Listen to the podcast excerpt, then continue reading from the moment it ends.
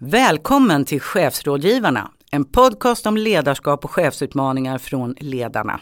Vill du vässa ditt ledarskap och bli en ännu bättre chef? Eller är du kanske bara nyfiken på vilka frågor chefer ställer? Ledarnas chefsrådgivare ger dig svaren. Varje avsnitt gästas också av en chef som berättar om sina erfarenheter. Om du har en fråga till våra chefsrådgivare så skicka in den till chefsradgivarna ledarna.se. Idag så ska vi prata om en viktig och nödvändig del av chefsyrket, nämligen något som många chefer kanske drar sig lite för men ändå måste hantera på ett professionellt och ett humant sätt, nämligen att ta och genomföra obekväma beslut och samtal. Jag heter Anki Udd och är ledarskapsutvecklare på Ledarna. Det här är Chefsrådgivarna.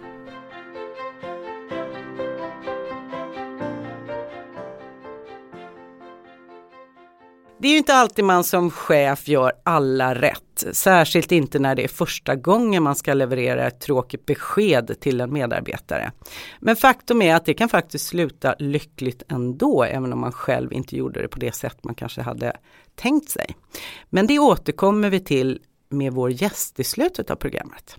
För att reda ut dagens frågor så har jag vid min sida idag ledarnas chefsrådgivare Bert Niklasson. Välkommen hit Bert! Tack!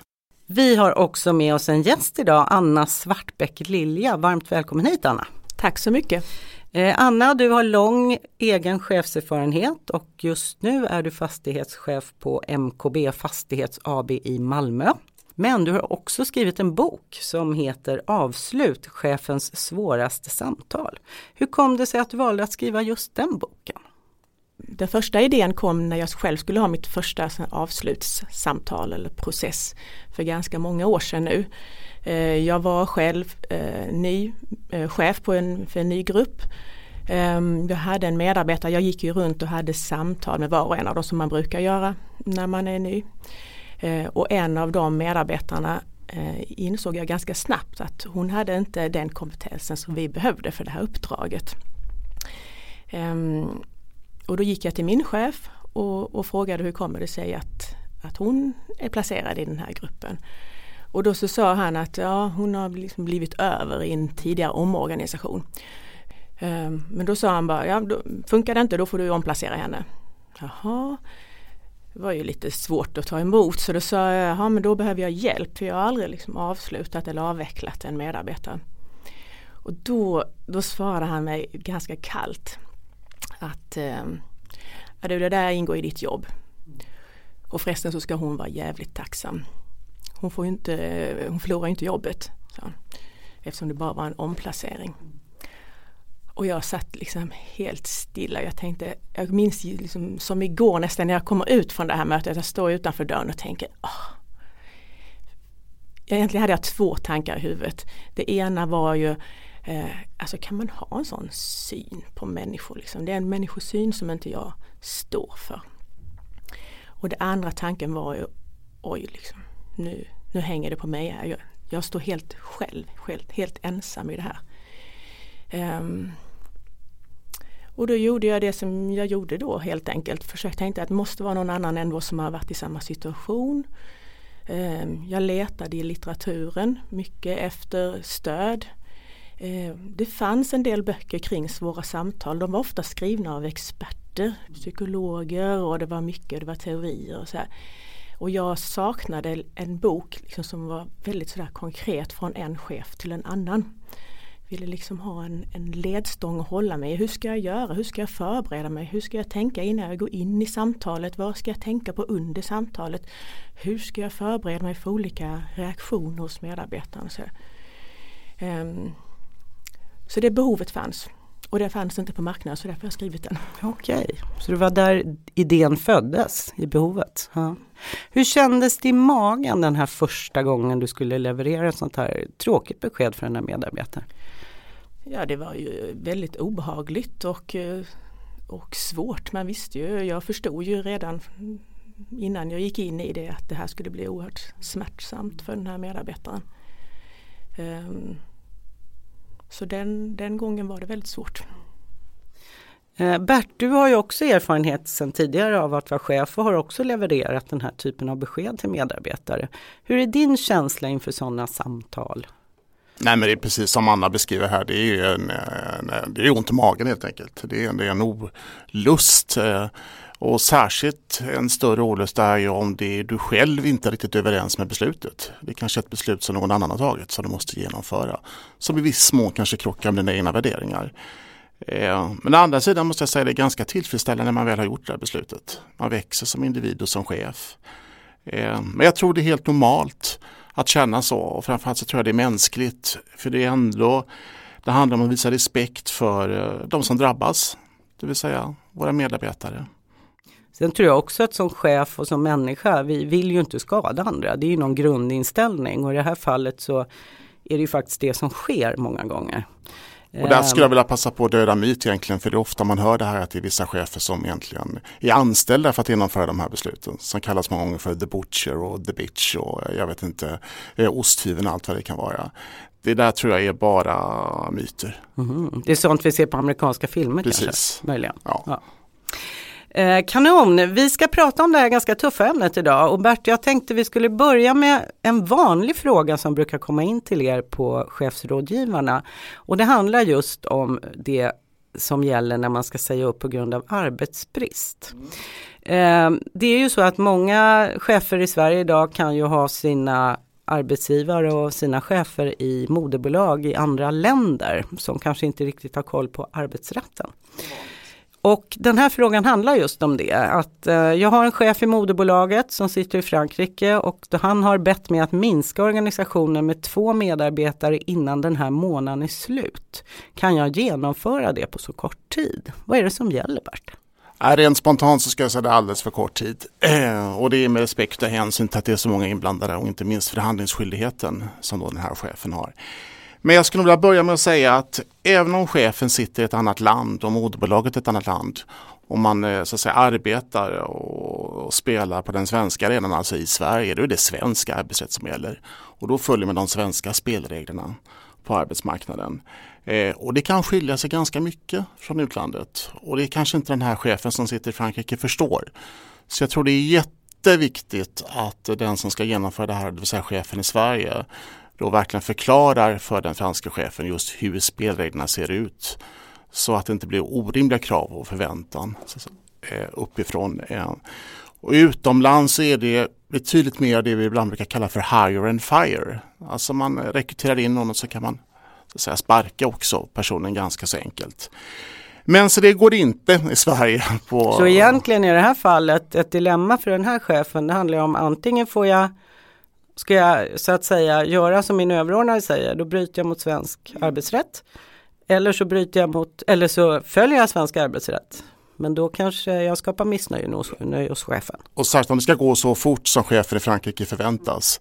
Utan det finns en process, en formalia. Eh, hur den formalian ser ut det kan man enkelt läsa på vår hemsida ledarna.se. Men jag tycker också om det är första gången man gör det här så ska man ta hjälp av sin HR-organisation om en sådan finns. Alternativt en annan chef. Eh, jag kan ju kort beskriva lite grann den processen som man ska göra, vilka steg Jag gör det, vad det. måste jag tänka på i minimum? Ja. Liksom? Eh, först och främst så måste man då ange skälen till att man vill göra den här omorganisationen. För man plockar bort två individer. Det är alltså en, en organisatorisk förändring eh, på arbetsplatsen. Och då måste man ange så att säga skälen. Varför gör man detta? På vilket sätt gagnar det företaget? Vad är den så kallade sakliga grunden? Det är ett begrepp som vi ofta möter inom arbetsrätten. Och den ska man nog kunna påvisa. Eh, och därefter så måste också chefen göra sin läxa, en så kallad konsekvensanalys. Det vill säga man flyttar eller så att säga, säger upp de här två medarbetarna. Vad får det för konsekvenser för organisationen? Vad får det för konsekvenser för de som blir kvar? Eh, en arbetsmiljöutredning helt enkelt, skulle man kunna kalla det för. Eh, sedan är nästa steg också viktigt att se, det kanske är olika befattningar som den här chefen har. Och det kanske är två olika befattningar som ska plockas bort. Och då tittar man på vilka befattningar ska vara kvar och i så fall varför, på vilket sätt är det bra för verksamheten och vilka ska plockas bort. Och viktigt är också att här så pratar man alltså om befattningar och inte om personer direkt. Eh, och därefter så gör man det vi kallar för en omplaceringsutredning.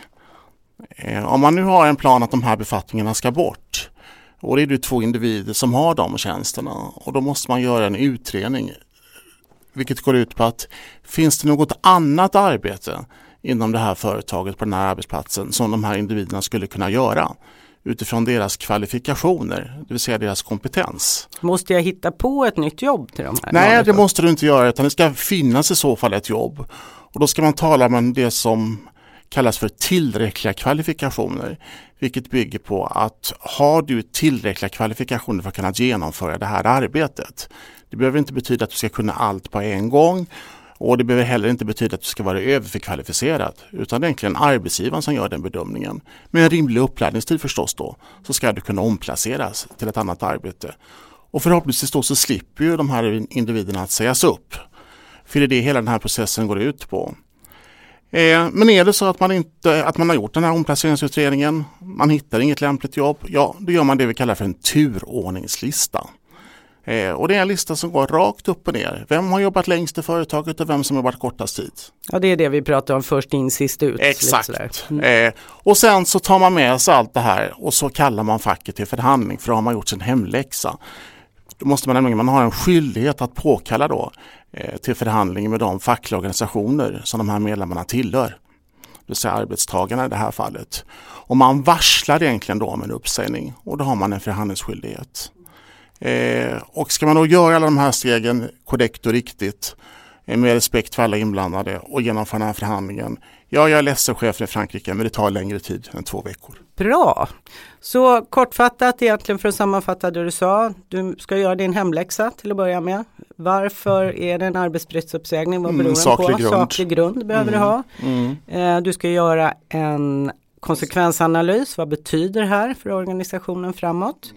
Du ska Finns det ett annat ledigt jobb? Se om det finns en omplaceringsmöjlighet och sen så ska du kalla de fackliga organisationerna och varslar. Eh, och varsla mm. om uppsägning. För nämligen om du inte har gjort de här stegen då kommer facket med en gång ifrågasätta. Ja. Hur har du tänkt, hur har du resonerat? Så det är bra att ha gjort sin hemläxa innan man sätts vid förhandlingsbordet. Tack för det Bert! Och som sagt, eh, allt det här kan du också läsa på ledarna.se. Eh, vi har fått en fråga här från en kille som heter Samir. Han skriver så här, jag ska för första gången genomföra en uppsägning. Och Samir här har hört att många som blir uppsagda får lite extra som plåster på såren. Och då undrar han Bert, vad förväntas jag erbjuda? Ja, det går rätt mycket rykten om det här vad man kan få och inte få. Eh, alltså det finns ju lagstadgat i viss mån men reglerna kring det här det är beskrivet i kollektivavtalet. Alternativt då det individuella anställningsavtalet. Och det är främst då sådana här saker som uppsägningsregler, det vill säga uppsägningstiden då, månaderna. Ehm, sen är det många arbetsgivare som kanske vill sockra det här paketet. Sockra kanske är fel uttryck här men de vill ändå vara generösa och erbjuda någonting annat. Ehm, och det är kanske utifrån individens olika behov. Många gånger så kan ju det vara att man kanske ger lite längre uppsägningstid eh, för vissa. Ehm, några kanske blir arbetsbefriade direkt vilket betyder att man kan då fokusera på att söka ett nytt jobb helt och hållet. Eh, och eh, ja, och det kan vara andra saker som man kanske erbjuder ett avgångsvederlag vilket betyder att man kommer ganska så snabbt ut ur anställningen. Och för det så får man istället en påse pengar. Eh, så det är lite olika sätt att lösa. Men jag skulle nog säga att eh, man utgår alltid från lag och avtal och därefter så ser man om det är någonting annat då som man skulle kunna göra utifrån medarbetarens då, eh, unika behov. Så det enda som regleras egentligen som svar på Samirs fråga det är egentligen tiden, antalet anställ- äh, uppsägningsmånader. Ja. Och den bygger på hur länge man har arbetat för företaget men också i viss mån hur gammal man är. Men sen är det många arbetsgivare också som idag erbjuder det vi kallar för omställningsstöd. Och det är egentligen en trygghetsförsäkring som finns i många kollektivavtal. Att man kan få stöd och hjälp utav en karriärcoach exempelvis. Att eh, hitta ett nytt jobb eller ny försörjning. Eh, och många av de här stora kollektivavtals, kollektivavtalstalade försäkringarna det är typ Trygghetsrådet och liknande. Mm. Och det är bäst för alla parter att man snabbt kommer ut på arbetsmarknaden igen naturligtvis. Absolut. Eh, Anna, vi har kommit till vår sista fråga här idag och det handlar just om en chef som ska lämna besked om en uppsägning till en medarbetare som den här chefen tidigare har jobbat tillsammans med under många år. Eh, vad har du för råd? Hur ska den här chefen förbereda sig? Det är den första frågan. Och den andra är vad ska man absolut undvika i ett sånt här samtal? Så om vi börjar med, hur ska den här chefen bäst förbereda sig inför det här? Ja, det första jag tänker kring eh, när man ska starta ett sånt här samtal eller samtalsprocess är ju tajmingen. Frågar man chefer vad de, om de ångrar någonting i efterhand så är det ofta att jag drar ut på det för länge. Eh, och då blev det värre. Liksom. Så tajmingen eh, är jätteviktig. Man ska inte dra ut på det för att det är svårt. För det är svårt. Tycker man inte att det är svårt så, så tänker jag att man kanske till och med bör fundera på om man verkligen ska vara chef. Eh, för då kan man inte känna empati för medarbetaren eller personen, människan man har framför sig. Och jag menar liksom på att man det, jag menar på att man kan vara eh, ta sitt ansvar som chef. Man kan vara tydlig, eh, man kan berätta om orsaken och man kan ha empati för människan man har framför sig. Man får inte glömma att det här är oftast ett livsavgörande ögonblick för, för den här personen. Eh, och det måste man komma ihåg även om man själv sitter där med ett uppdrag. Jo, det är, vi är ju alla beroende av vår inkomst och man kanske har lån och ja, alltså rent praktiskt. Också. Ja. Mm. Och eh, steg ett är väl annars att förbereda sig väl. Eh, att göra en plan, hur har jag tänkt det här upplägget, vad har jag för mål med det här samtalet, vad har hänt? Om, vi pratar ju nu om, om nedläggning av en del av en verksamhet, det händer någonting i omvärlden, marknaden sviker eller så. Men det kan ju lika väl vara att uppdraget har ändrats, man har fått in en ny ledning, den tekniska utvecklingen har gått vidare, man hänger inte riktigt med kompetensmässigt. Eh, eller engagemanget eller orken tryter. Ehm, konflikter och vad det nu kan vara för det finns ju många olika skäl. Eh, och att verkligen sammanställa fakta, vad är det som har hänt, vad vet vi och vad är rykten? Ehm, och, ehm, och verkligen fundera kring vilken, med vilken känsla går du in i det här samtalet? Du påverkar så fort du öppnar dörren och går in så påverkar du hur eh, samtalsklimatet kommer vara. Ehm, kommer du in med andan i halsen och tänker att du ska avverka det här samtalet, det kan upplevas som otroligt nonchalant. Eh, och, och likadant att inte liksom boka in ett möte direkt efter. Ja för det är ju svårt kan jag tänka mig att uppskatta hur lång tid man behöver till ett sånt här samtal. Det måste ju variera väldigt mycket från person till person. Och jag tänker också att förbereda sig eh, för olika typer av reaktioner. Um, fundera över vad, vad händer om medarbetaren blir helt stum till exempel eller hur skulle jag hantera någon som blir väldigt arg ehm, eller någon som kanske bara faller i hejdlös gråt och inte slutar. Ehm, så att man liksom inte i det läget eh, varken vacklar eller börjar agera på ett sätt som kanske inte är lämpligt. Eh, jag hade ett samtal, hon grät en hel timme Eh, och jag tänkte hur ska det här sluta? Liksom, till slut började det ebba ut och då kände jag väl att eh, jag kunde säga någonting om att eh, nu tänker jag att du ska gå hem och fundera över detta och så ses vi på torsdag. Alltså det viktigaste är ändå att hålla i eh, medarbetarna och visa att jag kommer finnas vid din sida genom den här processen. Men jag vacklar inte i mitt beslut. Jag har tänkt efter innan varför jag går in i det här samtalet. Det finns ett skäl och den måste jag liksom stå fast vid. Och chefen håller taktpinnen hela tiden där? Ja, absolut. Och det viktigaste till exempel vid gråt tänker jag det är ju mm, att eh, låta medarbetaren få den tiden att reagera. Mm. Att inte göra det som, eh, som, som kanske är lätt hänt, att man går in och tröstar till exempel. Det gör man ju oftast därför att man själv, för sin egen skull, man har meddelat en medarbetare ett budskap och ser smärtan och för att minska den smärtan så försöker man trösta men egentligen blir ju det helt fel för medarbetaren. För just i den situationen eh, så kan ju medarbetaren uppleva sig själv som ett offer och du som chef är förövaren. Och att i det läget då helt plötsligt bli tröstare. Det blir väldigt dubbla och konstiga signaler. Det kan ju göra att man som medarbetare börjar fundera över varför sitter vi här egentligen och vad är det, är det egentligen uppsägning? Hon kanske inte menar det egentligen och sådär. Eller, eller eh, ja det kan bli väldigt olika signaler. Men jag tror att det är väldigt viktigt att man, att man lämnar ett besked och sen inte pratar mer än nödvändigt utan låter medarbetaren få reagera så som den personen är. Så att det får sjunka in och... Ja. Mm. Alltså men, det, förlåt. Ja, förlåt, men när du säger reagera, nu pratar du att medarbetaren kanske gråter. Men eh, om en medarbetare blir aggressiv då, börjar slåss till och med. Mm. Vad är ditt råd då? Första jag tänker, ilska är ju en, en väldigt naturlig försvarsmekanism. Ilska är också, för många människor är det ett sätt de har fått lära sig att är jag i en svår situation så reagerar jag med ilska. På så vis tar jag mig igenom. Det kan ofta vara en drivkraft för att ta sig igenom en svår situation.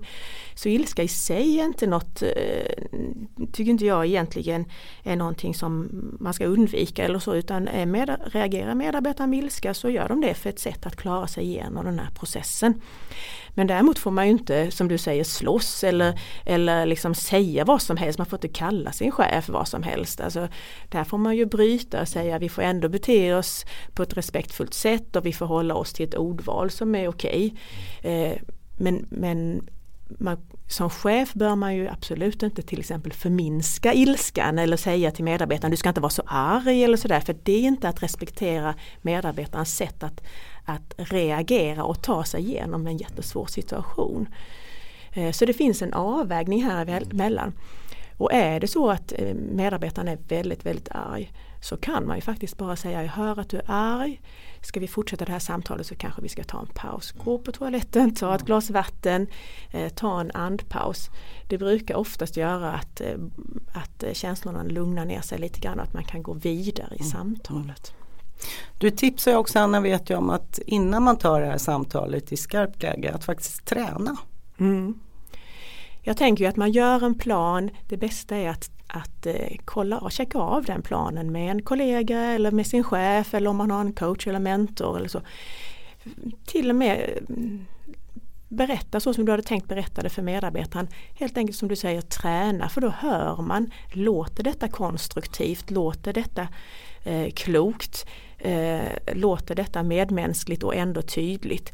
Eller låter det flummigt och jag vet inte riktigt hur jag ska uttrycka Jag tänkte så mycket klokt men det, blev inte, det kom inte ut så mycket klokt. Det är, ju, eh, är vi ju mänskligt liksom. Så därför är träning jättebra i de här sammanhangen. Då... För det är ju lätt hänt för chefer har ju empati och känner ju medmänsklighet naturligtvis och då är det lätt att falla i fällan att försöka börja linda in och eh, leverera ett tufft budskap väldigt mjukt. Men det är inte alltid det landar så himla bra, eller hur? Nej, och många ord är inte alltid lösningen. Jag tänker att ögonkontakt och närvaro i rummet eh, för att på så vis eh, visa empati mm. Eh, kan vara nog så mycket, nog så, så bra. Konsten liksom, att vara tyst helt enkelt. Ja och det tror jag är en av de svåraste eh, utmaningarna för chefer i den här situationen och särskilt om medarbetaren reagerar väldigt starkt. Då vill man liksom hjälpa eh, medarbetaren genom det här eller få igång det här, få liksom det här samtalet överstökat. Och att då ge tid och låta det bli tyst i rummet och låta medarbetaren få reagera är otroligt viktigt. Jag är lite nyfiken på att lyssna på hur ni resonerar lite varför man säger upp människor. För dels vi har pratat en del om arbetsbrist och då är ju orsaken handlar ju om ekonomiska eller organisatoriska orsaker. Men sen kan man ju behöva säga upp medarbetare av personliga skäl som är mer knutet till individen. Upplever ni någon skillnad vid de här typerna av samtal? Eh, jag upplever att själva samtalet ska man nog förbereda om man ska ha det empatiska förhållningssättet och visa respekt. Eh, Därmed ska man nog vara lite extra förberedd enligt personliga skäl, eh, tror jag, för att det handlar så otroligt mycket knutet just till individen. Vad det gäller arbetsbristen så är det kanske jag en av många som får gå, då kanske inte man känner sig lika utpekad. Men jag tror skammen är mycket större om det är personliga skäl. Mm. Hur ja, tänker håller, du där? Ja. ja. men jag håller med. Alltså när, det, när det handlar om personliga skäl så gäller det ju att som chef vara otroligt väl förberedd och mm. konkret. Vad är det som har hänt? Vad har medarbetaren gjort eller sagt? När hände detta? Inte hur har det liksom, påverkat verksamheten? Just det. Vad har det blivit för konsekvenser? Hur har andra upplevt det? Till exempel kunder eller kollegor eller så. Um, hur påverkar det om man till exempel aldrig håller deadlines, om man inte lämnar in någonting i tid, om man aldrig kommer i tid till några möten. Att inte stå liksom och säga att det är hopplöst att du aldrig kommer i tid, det kommer bli reaktionen bli jag kommer i tid till det här mötet. Utan verkligen säga att när du inte kommer i tid eh, så sitter alla vi och väntar och det blir ett väldigt slöseri med vår tid och det känns väldigt respektlöst. Mm. Och går det här vidare då att man aldrig lämnar in sina rapporter i tid eller ekonomi eller vad det nu kan vara för någonting. Till slut blir det en ohållbar situation. Så man måste vara väldigt konkret och skrivit upp den här de här situationerna och vad det har fått för konsekvenser för verksamheten eller för individer mm. i omgivningen mm. eller kunder. Okay. Och ska dokumenteras under en längre period ska också sägas. Absolut. Mm. Mm. Det är en betydligt längre process mm. att säga upp någon på grund av personliga skäl. Än jämfört med arbetsbrist. Mm.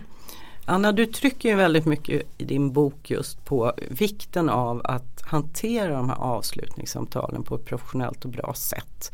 Eh, vad är konsekvenserna om jag liksom som arbetsgivare inte gör det och inte tar det på allvar? Ja, om man börjar med utifrån ett medarbetarperspektiv så eh, det tror jag vi allihopa har stött på situationer där medarbetare har varit, blivit uppsagda på ett sådant sätt att de till slut faktiskt aldrig kommer tillbaka till arbetsmarknaden. Vissa kommer aldrig tillbaka. Alltså så, så eh, starkt är eh, den här situationen. Så att det kan ju bli avgörande för, för en individ. Men, och även om det blir så här att medarbetaren går vidare till ett nytt jobb så kan det vara en bitterhet som hänger sig kvar och som, som gör att den personen eh, saknar energi eller liksom inte har riktigt den kraften i nästa roll. Eh, så för individen är det, kan det vara otroligt svårt. Eh, men även som chef tänker jag att känner du att du har verkligen gjort allt du kunde, du har förberett dig på ett väl, gott och väl sätt, jag har tagit den här personen på allvar och jag har gjort allt jag kunde. Så känner man nog oftast att man, har, att man kan gå starkare igenom den här processen och gå vidare och man ska ju fortsätta att leda andra medarbetare. Eh, man har också, tänker jag, att man eh, har man behandlat sin medarbetare på ett respektfullt sätt så blir man också omtalad på det sättet och det har också betydelse för det som vi kallar för employer branding. Alltså hur ska vi kunna rekrytera i fortsättningen?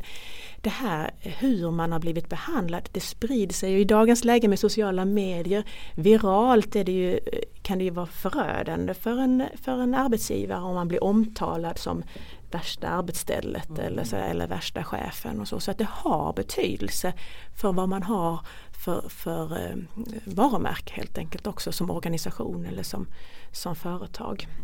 När vi har dig här Anna vill jag också passa på att fråga dig vad, vad är egentligen ett bra avslut? Ja, ett avslut är ju alltid svårt som vi har pratat om här men jag tänker att ett bra avslut, där vet åtminstone medarbetaren varför man har det här avslutet. Man, har, man får en förståelse för anledningen till det även om man kanske inte är överens. Man ska inte behöva gå ifrån ett avslut och inte veta varför sker det här. Eh, det är det ena. Det andra är att både chef och medarbetare ska ha blivit respektfullt bemötta under processens gång. Det som egentligen vi har pratat om hela tiden här. Eh, men det sista som också är viktigt är att man ska kunna ha dragit lärdom av den här processen. Både medarbetare och chef eh, ska kunna liksom ha lärt sig någonting av den här processen. Det viktigaste är ju att ha ett, ett, avslutande samtal där man också funderar över hur har den här processen gått till? Vad har jag lärt mig av detta? Vad kan jag ta med mig till nästa gång? Det kanske är mer chefen men medarbetaren också. Vad har jag lärt mig av det här? Um jag tänkte, jag nämnde i början på programmet så sa jag att chefer gör ju faktiskt misstag, mm. inte mer än människor. Och även om man kanske gör något misstag någon gång så behöver inte det betyda någon katastrof. Och Anna du berättade för mig att första gången du skulle omplacera en medarbetare så kände väl du att nej, det kanske inte blev så bra. Men det slutade ändå ganska lyckligt. Vill du berätta, vad var det som hände? Ja, jag omplacerade henne, så småningom lämnade hon faktiskt hela organisationen men jag fick på omvägar höra sedan faktiskt att hon hade sagt just att eh, Anna hade rätt i de här samtalen. Jag var inte på rätt arbetsplats när jag var där och hon hade en alldeles utmärkt eh, eh, situation nu då med, med och var väldigt glad för det, det jobbet och det uppdraget hon hade nu. Så att, och det gjorde ganska gott i mig eftersom situationen var så, hade varit som den varit och ganska svår och jag hade varit så osäker så känns det ändå gott att höra att någon har kunnat gå vidare och verkligen känna att nu har min kompetens kommit till sin rätt. Nu har jag som människa kommit till min rätt. Mm. Ja men det måste ju kännas skönt efteråt och ja men då, då gick det bra, det blev bra i slutändan i alla fall. Ja för jag hade ju ändå ansträngt mig även om jag kände mig osäker så att jag, det var, jag är väldigt glad för hennes skull. Mm.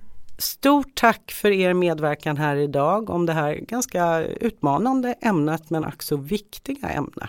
Och du som lyssnar, skicka gärna in dina frågor till oss på chefsradgivarna ledarna.se. Tack för idag!